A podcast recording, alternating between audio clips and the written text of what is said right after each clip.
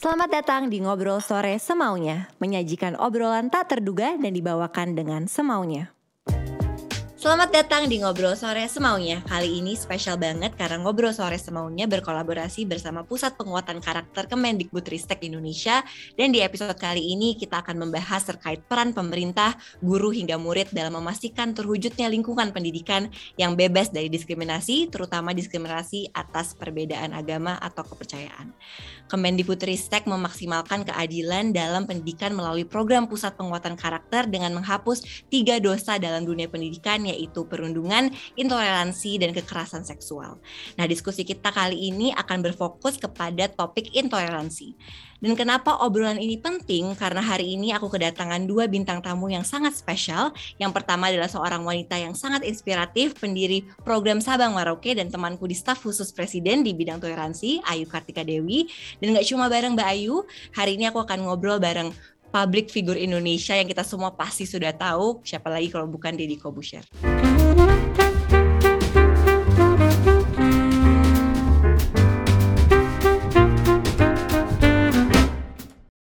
Ayo Mas Deddy, Mbak Ayu. Halo. Halo. Senang banget ketemunya walaupun kita udah lama banget gak ketemu. Kita ketemu lagi secara virtual. Apa kabar Mbak Ayu dan Mas Dedi? Nggak kerasa banget nggak sih? Tiga bulan lagi udah tahun 2022 loh. Hah? Gak kerasa. Kalau apa Mas? Kalau saya pribadi senang sekali ketemu dua orang yang parno ini. Uh, karena karena karena Putri tidak ke mana-mana, tidak ke kantor, Mbak Ayu tidak pernah keluar rumah, sekalinya keluar rumah kena COVID gitu kan. Saya yang kemarin kritis sampai rematik, masih pingin ketemu Putri secara langsung, ketemu Mbak Ayu secara langsung. Jadi jadi either Anda itu Parno atau saya yang bodoh sebenarnya. Tapi semoga Mas Dedi sama Mbak Ayu sehat-sehat. Amin, amin, amin. Alhamdulillah sehat. Uh, Mbak Ayu sama Mas Dedi, aku mau nanya dulu deh. Kan ini kan kita udah sebentar lagi 2022. Apa Betul. highlight 2021 dari Mbak Ayu dan Mas Dedi? Bayu silahkan Bayu. Ini kalau pertanyaan dulu. yang susah, saya duluan.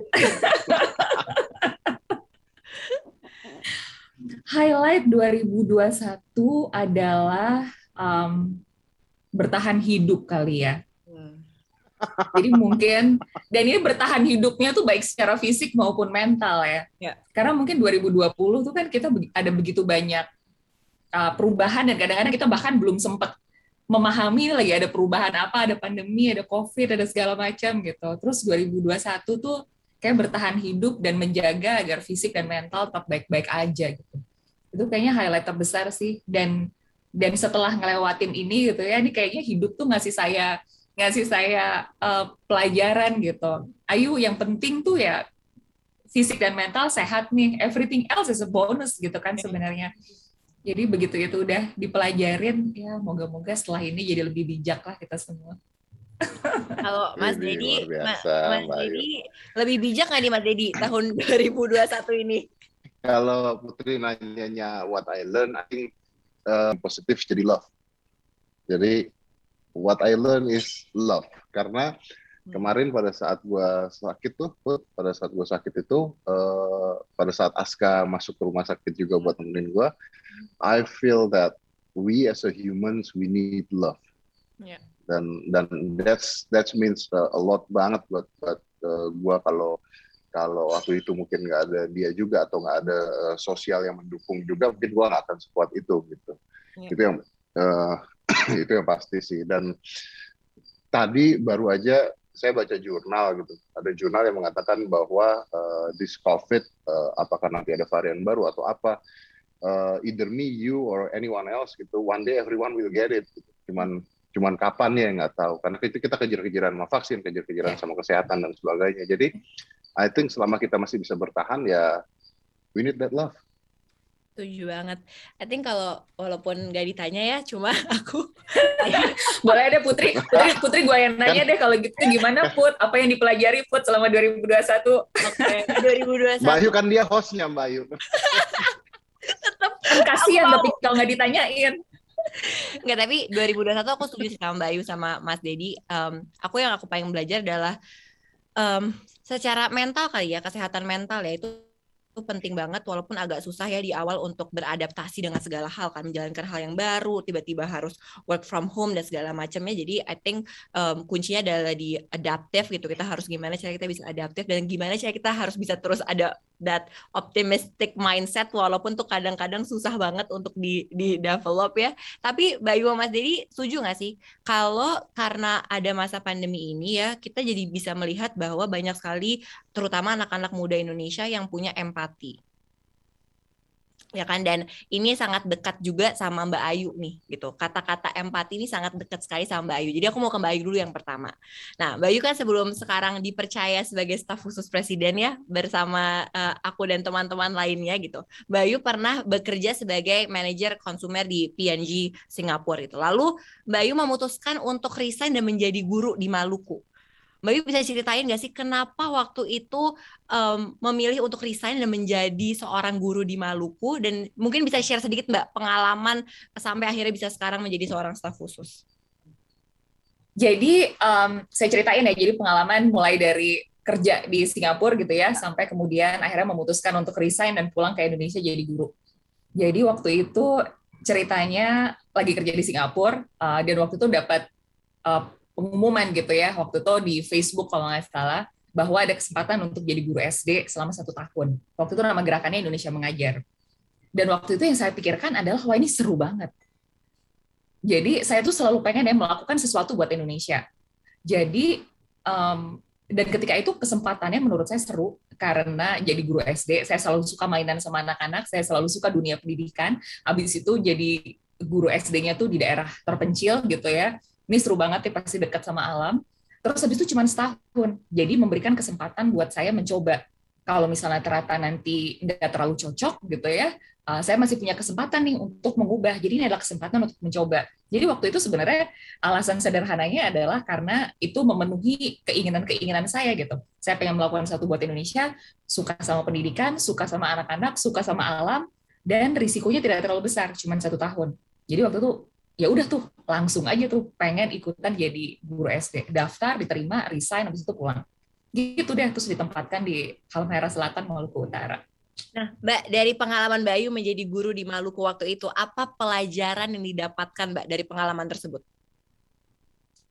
Bahwa jadi guru itu, itu tuh proses yang sebenarnya membuat kita belajar banyak dari anak-anak juga gitu.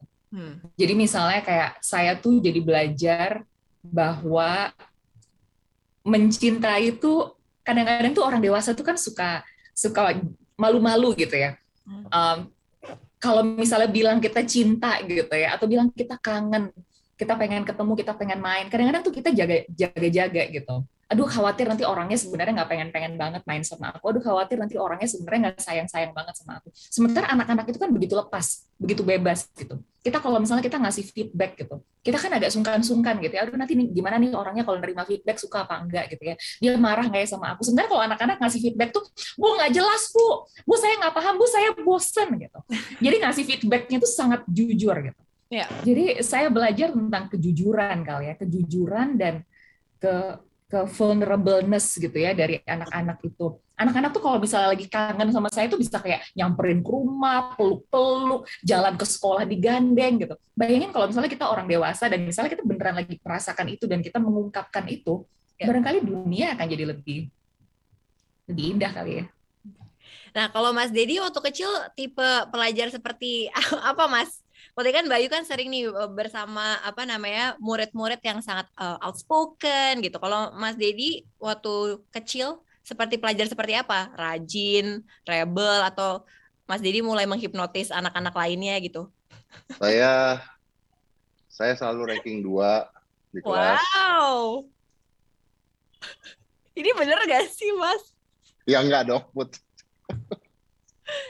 Tapi karena bicaranya dengan Putri Tanjung sama Mbak Ayu, di mana dua-duanya kepercayaan staf khusus presiden, maka saya harus meninggi-ninggikan saya setinggi-tingginya gitu.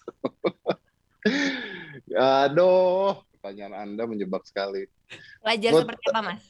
Oke, okay, uh, eh, saya sempat nggak naik kelas dua kali hmm. karena belajar sulap. Hmm. Jadi uh, dulu itu karena belajar sulap sampai malam, terus uh, buku matematika belakangnya buku sulap gitu ya. Sempat naik kelas dua kali. Uh, jadi kalau dibilang secara pelajaran mata pelajaran uh, saya nggak terlalu bagus gitu. Tidak terlalu bagus. Jadi bagusnya itu cuman di olahraga di seni kesenian olahraga kesenian uh, ya pokoknya begitu begitu tapi begitu ada matematika uh, fisika biologi dan sebagainya jebol lah intinya begitu.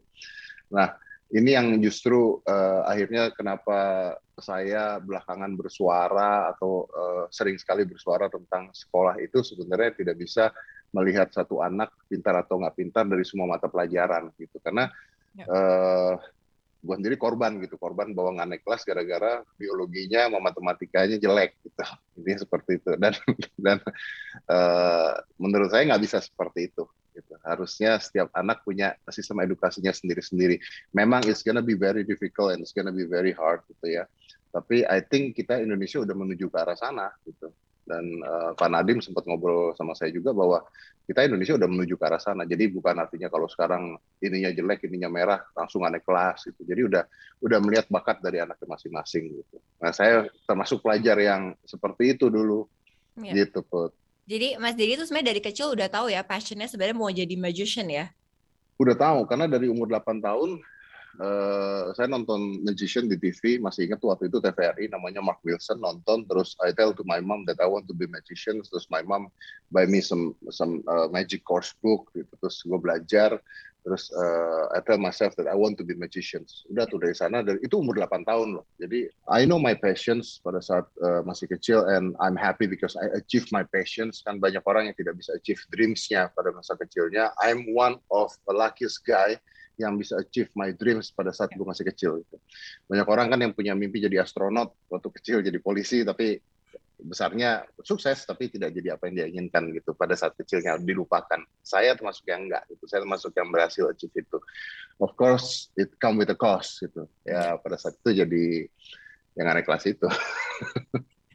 Dan aku juga sebenarnya sama-sama Mas Didi sih, aku lumayan bersyukur karena aku bisa menemukan passion dari lumayan kecil kan, di umur 15 tahun tuh punya Betul. passion organizer, bikin event-event gitu. Itu pun juga tahu ya dari sekolah karena sama nih Mas Didi, aku I'm not good di biology, matematika gitu ya. Tapi aku selalu senang banget ikut organisasi sekolah gitu lewat organisasi sekolah jadinya oke okay, akhirnya tahu nih aku, aku punya passion apa dan segala macam dan aku juga melihat sekarang kayaknya di Indonesia pendidikannya udah semakin berkembang gitu di mana sebenarnya anak-anak tuh udah bisa mengeksplor passion mereka gitu.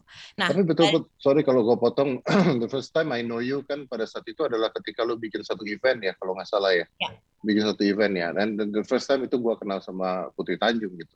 Terus pada saat itu gue merasa bahwa wow this skill is amazing karena dia kerjanya luar biasa lari-larian sana, lari situ, lari situ. Padahal kalau gue berpikir bahwa lu anaknya Pak CT harusnya you can just order people to do it gitu kalau quote on quote gitu. Tapi pada saat itu gue ngeliat lu sendiri mata kepala gue sendiri, lu orang paling ribet di sana gitu, orang paling ribet. And I believe you can do that because you happy doing it. Yeah. Kalau you not happy doing it, I don't think you will do it sih. Iya. Yeah. Iya, true. Dan bersyukur banget tuh, tuh um, di sekolah aku pun juga kayak mendukung untuk oke, okay, put you know you can explore your your your passion gitu. Nah tapi sebenarnya aku juga belajar banyak nih Bayu di sekolah karena kan aku dari SD sampai SMP dibully. Hmm. Um, aku benar-benar merasakan tekanannya gitu. Jadi mungkin aku balik lagi nih ke Mbak Ayu sekarang sesuai topik kita hari ini Mbak membahas tentang isu intoleransi dalam pendidikan gitu ya. Kalau kita melihat uh, konstitusi kita sebenarnya kan ada 40 hak konstitusional gitu ya, yang dimiliki oleh setiap warga Indonesia gitu. Nah, aku pengen menekankan pembahasan hari ini pada dua di antara 40 hak tersebut gitu ya. Pertama adalah hak untuk bebas dari perlakuan diskriminatif apa pun dan kedua adalah hak untuk mendapatkan perlindungan terhadap perlakuan diskriminatif gitu. Nah, Mbak Ayu sendiri kan sempat menginisiasi program Sabang uh, Maroke yang relate banget Mbak dengan isu ini. Boleh nggak sih Mbak diceritain background dari program tersebut? Ya, dan ini menarik banget ya karena yang uh, kalau misalnya gue tadi refer back ke ceritanya Putri, ceritanya Mas Dedi gitu, bahwa kadang-kadang tuh kita tuh menemukan jalan hidup kita itu tuh kadang-kadang nggak sengaja gitu kan kayak misalnya Mas Dedi gitu ketika pertama kali suka uh, tertarik sama sulap karena nggak sengaja waktu itu nonton TVRI gitu. Yeah. Misalnya waktu itu kebetulan nggak nonton TVRI, kita nggak tahu sekarang sendiri misalnya jadi apa gitu. kalau misalnya uh, kalau misalnya Putri nggak nggak nggak menemukan uh, event organizing gitu, kita nggak tahu sekarang gitu. Ya, ya tentu saja orang-orang bisa dan semua orang kayak gitu kan, kayak kita ketemu pintu dan akan jadi apa. Gitu. Nah, waktu itu tuh sebenarnya kejadiannya waktu saya lagi ngajar di Maluku Utara jadi Maluku Utara itu kan dulu daerah yang sempat terjadi kerusuhan kan tahun 98 99. Nah, eh, antara orang Islam dengan orang Kristen dan waktu itu parah banget kan di Ambon dan sekitarnya itu bisa sampai ribuan orang meninggal. Nah, setelah kerusuhan itu tuh desa-desa tuh masih banyak yang disekat-sekat. Jadi ini desanya orang Islam sebelah sini, desanya orang Kristen sebelah sini gitu. Nah, padahal ketika saya ngajar tuh kan kayak udah 11 tahun setelah kerusuhannya selesai, Ya. Itu tuh sisa-sisanya tuh masih berasa. Jadi saya ngajar tuh kebetulan ditempatkan di desa yang 100% Islam, nggak ada orang Kristennya sama sekali. Dan anak-anak tuh masih penuh ketakutan tuh sama orang Kristen. Jadi kayak misalnya suatu sore gitu ya, itu ada murid saya yang bilang kayak Ibu Ayu, kita tuh harus hati-hati Ibu Deng orang Kristen. Karena orang Kristen bisa bakar-bakar kita pe rumah. Masih bisa tuh bilang kayak gitu. Atau misalnya kayak suatu sore yang lain gitu ya, um, ada tiba-tiba tuh anak-anak murid-murid saya kelas 2, kelas 3 SD itu nyamperin ke rumah lari-lari dan mereka bilang, "Ibu, ayo kita harus hati-hati, Ibu, kerusuhan sudah dekat." Terus ketika saya tanya kerusuhannya ada di mana, itu ternyata semuanya gosip gitu. Ya. Dan anak-anak tuh bahkan nggak paham apa artinya kerusuhan, jadi mereka kira kerusuhan tuh bisa datang gitu ya. Kan saya bilang ini itu kerusuhan isu, cuma ada isu dan itu isunya ada di Ambon. Ambon tuh jauh banget dari tempat kita tinggal. Hmm. Jadi waktu itu saya bilang, nah Ambon dari Ambon kalau mau ke desa kita tuh kalau naik kapal dua hari, jauh banget. Terus ada anak yang bilang kayak gini, kalau gitu ibu nanti kerusuhannya kalau naik kapal jauh nanti kerusuhannya datang naik pesawat ibu. Hmm. Kan artinya kan anak-anak ini nggak paham apa artinya kerusuhan gitu ya, tapi mereka bisa begitu takut sama orang Kristen, uh, mereka begitu benci gitu ya, dan mereka takut banget sama adanya kerusuhan yang akan datang gitu. Nah, dari situ kemudian saya berpikir nih nggak bisa didiamkan nih, kayak anak-anak nih harus dikasih kesempatan buat ketemu. Karena balik lagi ke yang dibilang Putri tadi gitu, soal empati. Kalau kita nggak pernah ketemu, maka susah banget kita untuk bisa membangun empati. Kita nggak kenal gimana cara kita bisa sayang kan, gimana cara kita bisa paham gitu dengan orang yang berbeda. Jadi dari situ tuh sebenarnya kejadian itu bikin saya mikir apa ya mau diapain ya. Akhirnya saya bikinlah Sabang Merauke pertukaran pelajar antar daerah di Indonesia. Biasanya kalau pertukaran pelajar kan ke luar negeri kan. Ya. Ini antar daerah nih di Indonesia. Anak-anak tinggal sama keluarga yang beda agama, beda etnis. Gitu. Mbak, itu tahun berapa ya Mbak Yu waktu itu awalnya bikin Mbak? Bikinnya itu 2012. 2012. Sampai Nah sampai sekarang, Mbak, aku pengen tahu dong kalau sekarang saat ini juga gitu ya, Mbak, masih nggak hmm. sih terjadi kayak ada nggak sih Mbak real case mengenai praktik-praktik intoleransi atau diskriminasi atas nama agama ya di lingkungan pendidikan? Sekarang apakah masih isunya masih besar, Mbak? Ya, sebenarnya sih di mana-mana ya, dan di lingkungan pendidikan maupun di lingkungan di luar sekolah gitu ya, itu kan merupakan bagian yang tidak terpisahkan. Karena kan anak itu kan belajarnya dari semua tempat dia gitu ya, dari guru, dari teman-temannya, dari media, dari apa yang kita tonton gitu. Um, dan di mana-mana ada gitu. Jadi misalnya kayak masih ada anak-anak yang misalnya dipaksa untuk pakai uh, atribut tertentu gitu ya. Padahal misalnya dia nggak pengen. Um, atau misalnya sebaliknya gitu, justru dilarang pakai atribut tertentu, padahal itu adalah sesuatu yang dia percayai. Ya. Atau misalnya ada anak-anak yang uh, didiskriminasi, misalnya, oh kamu nggak bisa punya jabatan ini karena kamu agamanya ini, ya. misalnya, itu masih ada. Dan kalau misalnya kita sampai keluar sekolah juga masih ada tuh kayak misalnya sekarang kan beberapa bulan lalu misalnya masih ada pengeboman gereja gitu kan itu kan juga bentuk intoleransi dalam skala yang sangat udah ya. skala terorisme gitu udah sampai menghabiskan nama nyawa orang gitu. Oke, okay. Mas Dedi kalau dari sebagai background orang tua dan masyarakat nih Mas ya tadi mendengar um, apa yang disampaikan Mbak Ayu gitu ya yang diceritakan barusan gimana Mas Dedi menanggapi kondisi soal isu intoleransi ini? Unfortunately that is a fact gitu. Itu yang terjadi di di negara kita gitu. Jadi kalau misalnya ada masyarakat yang mengatakan oh enggak itu enggak ada itu bohong itu uh, hoax dan sebagainya no it is it is happening gitu ya. dan unfortunately kalau kita bicaranya tadi menyambung dari Mbak Ayu kalau kita bicaranya dari uh, agama atau perbedaan agama uh, ini maka konfliknya akan jadi jadi banyak karena pertama agama itu tidak terlihat orang orang bisa berkulit putih, kulit hitam, kulit kuning, kita nggak pernah tahu agamanya apa gitu. Dan ini adalah segala, ini adalah sesuatu yang yang sangat amat mudah dimainkan oleh orang, dimainkan oleh politik, hmm. atau ditutup oleh agama. Jadi begini, kebatilan yang ditutup dengan agama itu menjadi sebuah kebaikan. Biasanya seperti itu. Jadi misalnya kita anggap aja kebatilan, misalnya tadi uh, dikatakan uh, bakar masjid atau bakar gereja itu sebuah kebatilan yang harusnya tidak boleh dilakukan. Tapi ketika itu dinamakan dengan agama, maka orang-orang yang melakukan hal tersebut percaya bahwa itu adalah sebuah keharusan dan sebuah kebaikan. Jadi apa pun yang dibungkus dengan agama dijual oleh seorang pemuka agama yang tidak mengerti Pancasila, tidak mengerti NKRI, akan menimbulkan pengikut-pengikut yang menganggap kebatilan adalah sebuah keindahan. Gitu. Nah ini unfortunately masih ada pun sampai sekarang masih ada dan kita nggak boleh nutup mata masih ada. Makanya kalau ditanya ke saya gimana caranya ya orang-orang seperti kita itu orang-orang seperti ya I'm, I'm gonna say it myself deh gitu ya orang-orang seperti saya uh, harus bicara gitu harus ya. berani ngomong karena eh, kejadian-kejadian seperti itu bukan karena mereka banyak ngomong atau mereka banyak mempengaruhi orang tapi karena orang-orang baik seperti ya Putri Mbak Ayu dan sebagainya banyak yang memilih untuk tidak ngomong ya. dan mereka tidak sadar bahwa diamnya mereka adalah bom waktu Ya, setuju banget. Jadi untuk kita yang punya platform, kita harus yes. berani speak up ya, Mas Dedi Mbak Ayu. Mas kan, Mas Dedi ini memiliki background um, psikologi ya, Mas.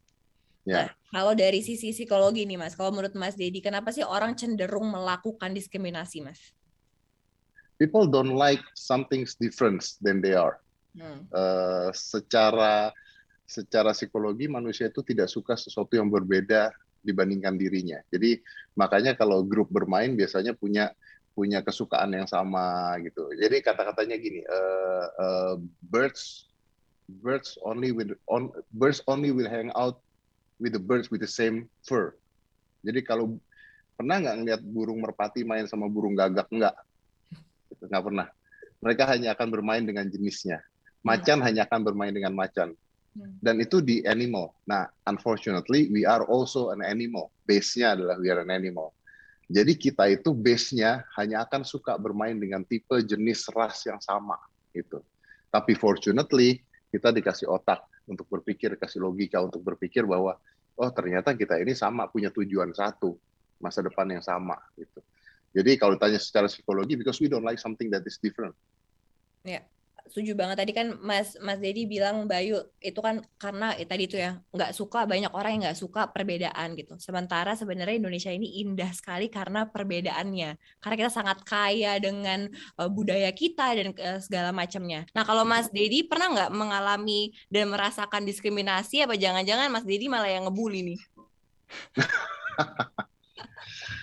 Sesederhana ini aja Put kalau mau cerita itu dulu awal-awal masuk TV sempat ada orang yang mengatakan bahwa lu nggak akan pernah bisa di TV hmm. karena lu Cina dan lu Kristen.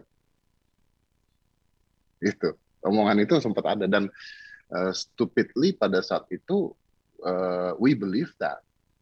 Yeah. We believe that karena memang kenyataannya pada saat itu memang jumlahnya sedikit gitu. Nah jadi eh, kata-kata uh, itu tuh bisa bikin saya down banget atau bisa bikin saya mau membuktikan bahwa ini bohong gitu dan seiring berjalannya waktu zaman berubah dan sebagainya ternyata I'm being accepted by the TV ya sekarang sebenarnya uh, sudah oke okay, gitu ya. Itu kalau kita bicara ras ya kalau kita bicara rasis dan agama gitu. Cuman kalau boleh nambahin nih sedikit ya uh, saya juga nggak tahu mungkin uh, Mbak Ayu atau Putri punya pendapat yang berbeda. Kalau mau nambahin sedikit kalau saya lihat nih ya kalau saya lihat sebenarnya masalah uh, ketersinggungan atau masalah perbedaan, masalah ini semua itu sebenarnya di kalangan anak-anak ke bawah itu udah nggak ada sebenarnya. Hmm. Menurut saya ya, menurut saya ya. Uh, itu yang saya lihat itu. Yang ada itu justru di kalangan-kalangan remaja ke atas. Kenapa? Karena kalau saya perhatikan, isu-isu ini tuh beredarnya di Facebook kebanyakan. Social media ya? Ya, dan Facebook. Ya dan sedangkan Facebook uh, algoritmanya lebih ke orang-orang yang umurnya menengah ke atas. Gitu. Nah yang bahaya adalah supaya yang bawah ini nggak kepancing untuk begitu karena anak-anak yang nggak ngerti apa-apa ini amat sangat mudah untuk dipengaruhi oleh orang-orang tua itu. Itu. Oke. Okay. Jadi Mas kalau misalkan ditanya tadi kan kita udah ngomongin Bayu juga udah ngomong soal isu in intoleransi gitu ya. Dan itu kayak kenapa sih Mas itu begitu sulit untuk dihilangkan? Apakah itu salah satu um, alasannya Mas dengan adanya um, social media dan segala macamnya? Salah satunya karena adanya sosial media yang semua orang berhak bicara bisa bicara tanpa ada rem. Okay. Kedua karena uh, founding father kita yang luar biasa menyatakan adanya Pancasila. Nah, ini kan sesuatu yang luar biasa sesuatu yang luar biasa. Uh, sebenarnya kan uh, kita, kalau kita menganggap bahwa Pancasila kan satunya adalah ketuhanan yang maha esa. Dari ketuhanan yang maha esa, duanya adalah kemanusiaan. Hmm. Nah, kadang-kadang kita hanya uh, fokus pada satu, ketuhanan yang maha esa, kita lupa bahwa duanya itu sudah kemanusiaan yang adil dan beradab. Dan Pancasila itu tidak bisa dibedakan. Satu dulu, dua dulu, baru tiga, baru empat, baru lima. No, no. It's a group. It's a group. Jadi jangan dijadikan bahwa agama ini menjadi suatu yang paling penting untuk dipertahankan. Ingat, ada kemanusiaan di sana. Ingat, ada persatuan Indonesia di sana. Karena kita negaranya ada negara Pancasila, bukan negara agama. Oke. Okay. Bayu, kenapa begitu sulit sih Bayu untuk menghilangkan intoleransi? Um, banyak aspek ya. Mungkin salah satunya adalah soal critical thinking ya. Hmm. Jadi um, kalau misalnya saya berkaca ke pengalaman saya sendiri gitu waktu pertama kali sekolah di Amerika tuh bulan-bulan pertama tuh struggle banget. Karena kan di sana uh, belajar itu kan nggak cuman menerima ceramah aja habis itu ngisi jawaban gitu kan. Tapi ada diskusinya ada berdebatnya gitu. Dan itu proporsi nya jadi gede banget gitu. Saya ketika pertama kali masuk kelas tuh kayak heran banget, wah gila teman-teman semuanya angkat tangan dan semuanya punya opini gitu. Semuanya punya pemikiran sendiri dan bahkan bisa tidak setuju antar teman-temannya atau bahkan tidak setuju sama dosennya gitu. Ya. Itu sesuatu yang saya uh, dulu sewaktu saya kuliah sekolah di Indonesia nggak pernah ngalamin gitu ya, atau pernah ngalamin tapi mungkin extendnya jauh banget lah nyampe ke sana. Dan akibatnya apa gitu? Kemampuan untuk berpikir kritis itu belum tentu dilatih secara merata oleh anak-anak Indonesia Padahal kan berpikir kritis itu penting ya. Ya, misalnya dalam dunia digital sekarang gitu ya, apalagi dunia digital sekarang di mana semua orang yang kayak dibilang Mas Dedi tadi, semua orang bisa ngomong apa pun nggak pakai direm. Ya. Kalau zaman dulu kan ada ada yang nyeleksi tuh, ada editornya gitu kan, baru bisa muncul, baru bisa muncul di media massa, baru bisa muncul di TV. Kalau sekarang semua orang bisa ngomong apa pun dan posting apa pun dan dan create create berita atau create story apa pun. Nah, critical thinking itu membuat kita jadi bisa mandiri, memilah gitu. Ini benar nggak ya? Ini masuk akal nggak ya? Ini sesuai nggak ya dengan nilai-nilai yang aku pahami? Ini benar nggak ya? Nyambung nggak ya dengan nilai-nilai kemanusiaan? Ini ini kalau kita melakukan ini atau kita mempercaya ini kita menyakiti orang lain nggak ya? ya? Nah, pemikiran-pemikiran seperti itu itu tuh butuh critical thinking dan butuh keberanian. Ya. Dan artinya itu harus dilatih sejak di rumah, sejak di sekolah. Kalau kita di rumah dan di sekolah nggak pernah ngajarin anak-anak untuk berpikir kritis dan punya opini sendiri, ya nggak heran kalau misalnya orang-orang jadi tumbuh untuk untuk ngikut aja gitu. Orang ini bilang kayak gini serbu gitu, orang kayak gini bilang gini hajar gitu. Jadi yeah. semuanya pada ke sana gitu. Dan makanya penting tuh untuk punya critical thinking karena kalau nggak bisa punya critical thinking ditambah dengan empati ya susah banget gitu untuk kita bisa punya toleransi di Indonesia. Aku ini ini ini, ini menarik banget put karena ya, gue potong karena uh, apa yang dikatakan Bayu ini sebenarnya base-nya juga dari keluarga ya. Hmm, Karena ya. uh, banyak sekali kita nggak usah bicara banyak sekali orang tua yang tidak toleran pada anaknya. Hmm. Jadi anak itu nggak pernah tahu kenapa mereka boleh melakukan ini atau tidak boleh melakukan ini. Yang penting pokoknya nggak boleh karena karena boleh. papa mama bilang begitu. Ya. Nah akhirnya ketika dia melanjak dewasa, nah contoh ketika dia melanjak dewasa ketemu seorang pemuka agama yang dia senangi atau dia banggakan, pokoknya pemuka agama ini ngomong begini benar tidak perlu berpikir lagi. Nah, itu yang jadi masalah. Ya. Setuju. Dan tadi aku juga mau highlight yang Bayu bilang ya. Menurut aku tuh penting banget untuk kita tuh punya critical thinking dan empathy yang yang besar gitu. Makanya sebenarnya ini juga tanggung jawab kita semua ya, Mbak, Mbak Ayu, Mas Dedi gitu ya, dan teman-teman yang punya platform gitu ya, entrepreneurs dan semua bukan cuma pemerintah, tapi kita semua juga harus melakukan sesuatu gitu. Karena kan again makanya kenapa salah satunya aku juga pingin bikin media sendiri gitu ya, which is Sexo Media adalah itu gitu. Karena um, emang harus lebih I believe in humanity ya kan? Karena humanity itu adalah where people respect each other. Dan menurut aku harus banyak lagi sih orang-orang um, yang speak up dan media-media yang punya values itu punya value humanity gitu. Di mana kita bisa uh, mendorong untuk lebih banyak orang untuk respect each others uh, berdamai dengan perbedaan. Dan sebenarnya uh, perbedaan itu sangat indah loh gitu. Nah Bayu um, ini ada fakta gitu ya. Sedihnya bahwa ditemukan dari survei PPIM UIN tahun 2018 menunjukkan hasil bahwa satu per tiga generasi Z um, itu adalah generasi uh, aku gitu ya masih menganggap itu intoleransi terhadap kaum minoritas tidak masalah. Dan fakta lainnya menunjukkan bahwa ternyata materi tentang menghargai agama lain itu porsinya sangat sedikit di di sekolah gitu. Nah, bagaimana tanggapan Mbak Ayu dan Mas Dedi mengenai hal ini gitu dan apalagi kan sebenarnya dari fakta tersebut padahal dalam hak-hak konstitusional tertera bahwa kita memiliki hak untuk bebas dari perlakuan diskriminatif atas dasar apa pun. Uh, pandangan Mas Dedi dan Mbak Ayu gimana mengenai fakta ini? Silakan Mbak Ayu. Um, kalau yang susah saya duluan gitu ya. Iya. Udah bawa bawa data gitu. um, jadi kalau misalnya kita ngelihat um, intoleransi gitu ya, ya, dan ini kan kadang-kadang tuh selalu dihubungkan dengan apa yang kita percaya. Kalau dan apa yang kita percaya itu kan pasti beda-beda. Ini contoh paling sederhananya aja deh. Misalnya di antara kita bertiga nih ya, saya Putri sama Mas Dedi. Ini kemungkinan besar cara makan buburnya aja beda. Hmm. Ya kan kalau saya buburnya nggak diaduk nih. Coba saya mau nanya kalau Mas Dedi buburnya diaduk apa enggak? Putri gimana? Aku diaduk. Diaduk. Diaduk. Mas Dedi. Saya diaduk. Nah, diaduk. saya minoritas nih di sini. saya minoritas di sini. Tapi Nah, itu baru urusan bubur ya. Dan bubur itu kan sesuatu yang nggak bikin baper kan. Saya belum pernah sih personally ketemu orang yang kemudian jadi baper keluar dari WhatsApp grup bakar-bakar warung bubur gitu gara-gara cara makan buburnya berbeda. Ya. Tapi kemudian ketika udah nyampe ke pilihan-pilihan lain, sesuatu yang kita percaya yang lain itu orang bisa jadi baper gitu. Karena itu mereka menganggap bahwa itu adalah bagian dari identitas kan. Agama, etnis itu kan bagian dari identitas diri kita gitu. Jadi makanya wajar gitu ketika orang kemudian menjadi take this very seriously. Gitu.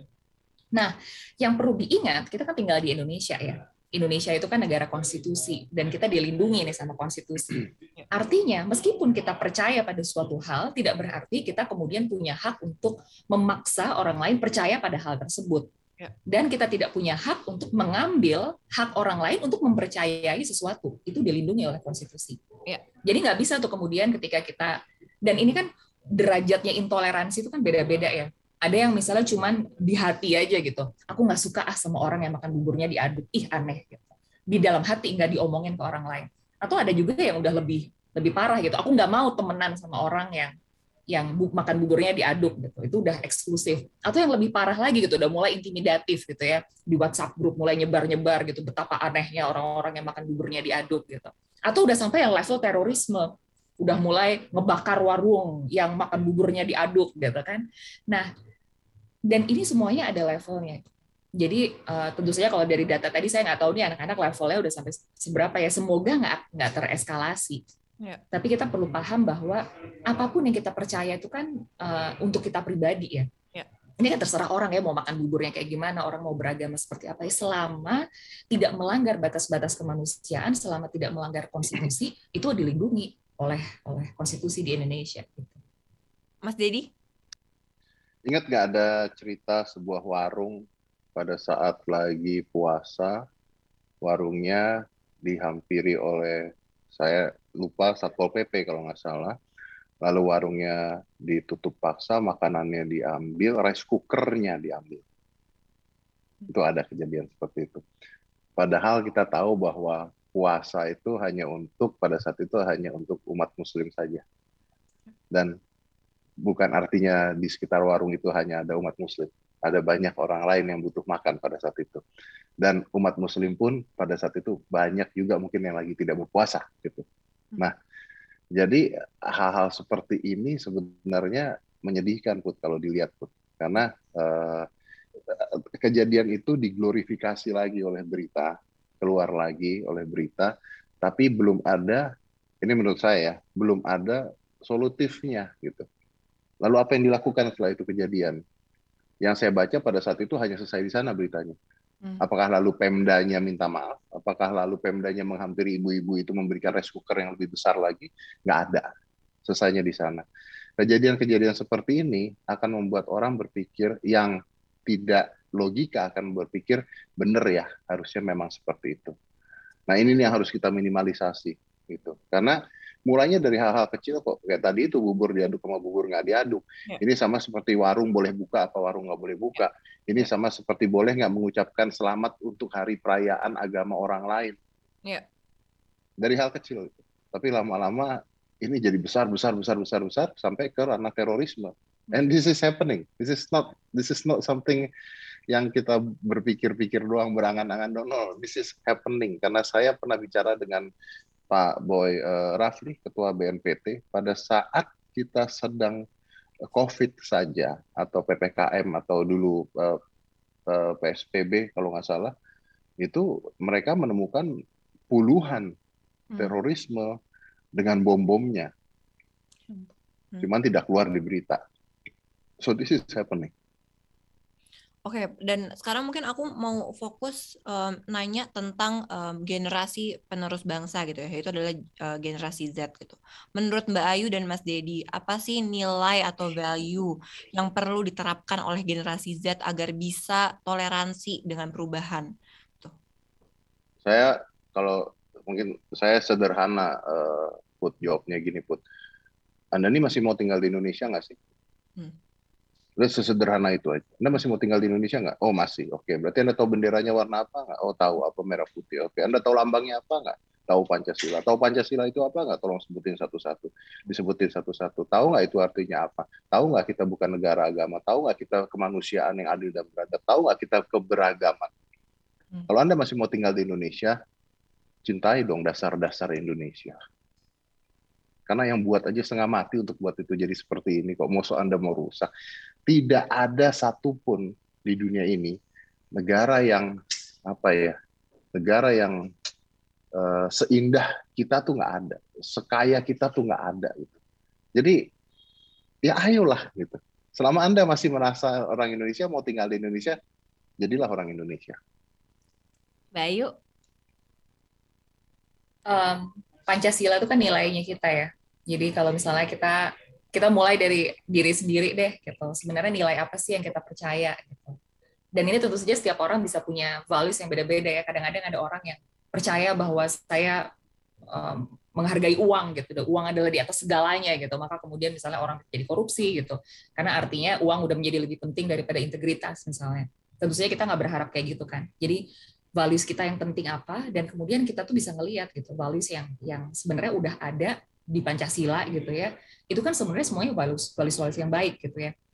Dan ketika kita melihat values itu um, sebenarnya banyak banget pembelajaran yang bisa diambil dan kemudian oh iya ya ternyata kalau kita berbuat baik sama orang uh, dan apalagi berbuat baik sama orang yang mungkin kita nggak sepakat sama mereka itu kan bagian dari Pancasila gitu.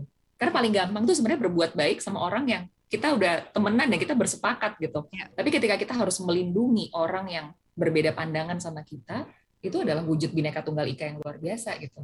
Jadi banyak banget sih tentu saja values yang bisa ditanamkan gitu ya dari Pancasila. Tapi menurut saya kalau misalnya ada dua yang paling penting adalah um, toleransi gitu ya, kebinekaan, ya. dan yang yang kedua adalah uh, kemampuan kita bernalar kritis Iya. Karena kalau kita nggak bisa bernalar kritis, makanya ini ada di salah satunya di dalam profil pelajar Pancasila gitu kan yang di, di, di, diluncurkan oleh Kemdikbud harus bisa bernalar kritis. Karena kalau kita nggak bernalar kritis, kita jadi manusia itu akan berhenti gitu. Ya. Ini nggak peduli kita semuda apa pun, kita pasti lama-lama akan jadi orang tua yang obsolet kalau misalnya kita nggak bergerak, kalau misalnya kita nggak belajar. Dunia akan terus berkembang nih, jangankan dunia gitu ya, COVID virusnya aja terus menerus yeah. berkembang gitu. Variannya ada terus dunia juga kayak gitu kalau kita nggak makin jago, kita nggak makin pinter, kita nggak upgrade diri kita ya pasti kita akan dilibas gitu oleh zaman dan kita akan menjadi obsolete. Ya, setuju banget sama Mas Dedi dan um, Bayu. Dan pemerintah sendiri melalui Kemendikbud Ristek kan telah berusaha untuk mengurangi dosa besar pendidikan di Indonesia terutama tentang intoleransi gitu ya dengan memastikan terwujud hak-hak yang dijamin konstitusi dan Kemendikbud Ristek akan siap menerima laporan jika ada yang me, menemui kasus intoleransi untuk ditindaklanjuti. Nah, ini pendapat Mas Dedi dan Bayu seperti apa atas kebijakan ini? Kalau memang benar itu terjadi uh, dan bisa kita atasi, ini akan jadi menarik sekali karena memang tadi saya mengatakan bahwa ini tuh sebenarnya keributan itu adanya tuh di menengah ke atas usianya. Gitu. Ya. Tapi justru bibit-bibitnya ini yang di bawah. Ya. Nah, karena mereka mau menciptakan bibit-bibit ini. Jadi kalau kita bisa stop, ini kan dari hulu ke hilir ya, dari ya. hulu ke hilir gitu. Jadi kalau kita bisa stop uh, hulunya gitu, anak-anak ini mungkin ke depannya menjadi eh, anak-anak uh, dengan pedoman bahwa saya adalah orang Indonesia, saya mencintai keberagaman, saya tidak peduli Anda dari NTT, Papua, Jogja, Bandung, tapi tetap orang Indonesia. Ini mereka kalah pasti. Mereka kalah pasti. Nah sekarang tinggal saya balikan lagi ke Kemendikbud. Apakah uh, uh, dari kementerian benar-benar melihat ini menjadi sebuah masalah besar? Dan kalau ini menjadi sebuah masalah besar, kapan segera dimulainya dan bagaimana memulainya, bagaimana melakukannya. Karena saya yakin ini nggak mudah, put. Yeah. Ini nggak nggak gampang seperti kita lagi ngomongin sekarang nih. Yeah. Karena nanti ada orang tua yang protes, ada ada anak yang tidak mengerti gitu ya, belum lagi unsur politik dan sebagainya.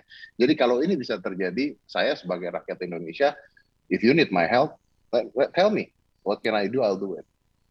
Bayu.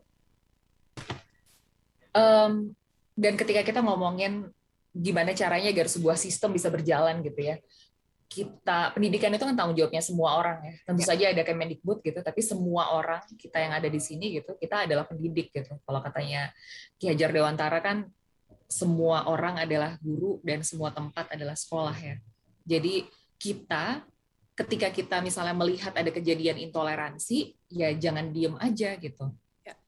dilaporkan dilindungi orang yang lagi didiskriminasi gitu. Jangan karena ah yang penting dia nggak nyenggol aku maka aku diem aja. Ketika ada temen yang lagi dibully, kita juga harus bergerak melindungi gitu, melaporkan, melindungi orang yang dibully. Jangan sampai kita diem aja dan malah bersyukur diam-diam. Untung bukan ngebully aku gitu.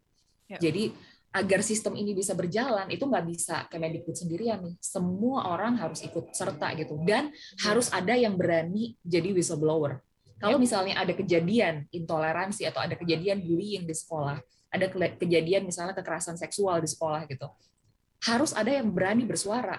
Ya. Karena kalau kita nggak berani bersuara, baik baik kita misalnya menjadi menjadi korbannya gitu atau kita melihat itu yang terjadi, kita harus berani bersuara. Karena kalau kita nggak berani bersuara, orang-orang yang melakukan tindakan-tindakan yang tidak mengenakan ini akan jadi terus-terusan merasa dibenarkan, wah ya. aman nih, kemudian dia akan melakukan yang lebih besar lagi, wah masih aman, belum ada yang ngomelin, akan melakukan yang lebih besar lagi dan seterusnya gitu. Lama-lama jadi nggak terkendali, jadi harus ada yang bergerak juga gitu. Nah, jadi ini semua tanggung jawab kita semua ya, Mbak Ayu dan Mas uh, Dedi. Nah, ya, Mbak Ayu, ya. Mas Dedi, pertanyaan terakhir, pertanyaan terakhir kalau di kalau ngobrol di ngobrol sore semaunya tuh ada selalu pertanyaan yang sama untuk setiap narasumber. Ini aku juga udah pernah tanya ke Mas Dedi waktu Mas Dedi jadi narasumber di ngobrol sore semuanya. Kita lihat masih sama apa enggak. Jadi ini Bayu dulu. Jadi Bayu, um, kan kita aku selalu tanya nih Mbak Pamungkasnya adalah apa yang Mbak Ayu ingin sampaikan ke diri Mbak Ayu di lima tahun ke depan? Um, saya berharap Ayu lima tahun lagi, uh, saya berharap kamu selama lima tahun ini melewati hidupmu dengan bermakna. Dan saya berharap kamu nggak punya penyesalan karena kamu mengambil keputusan-keputusan yang didasarkan atas harapan, bukan atas dasar ketakutan. Hmm.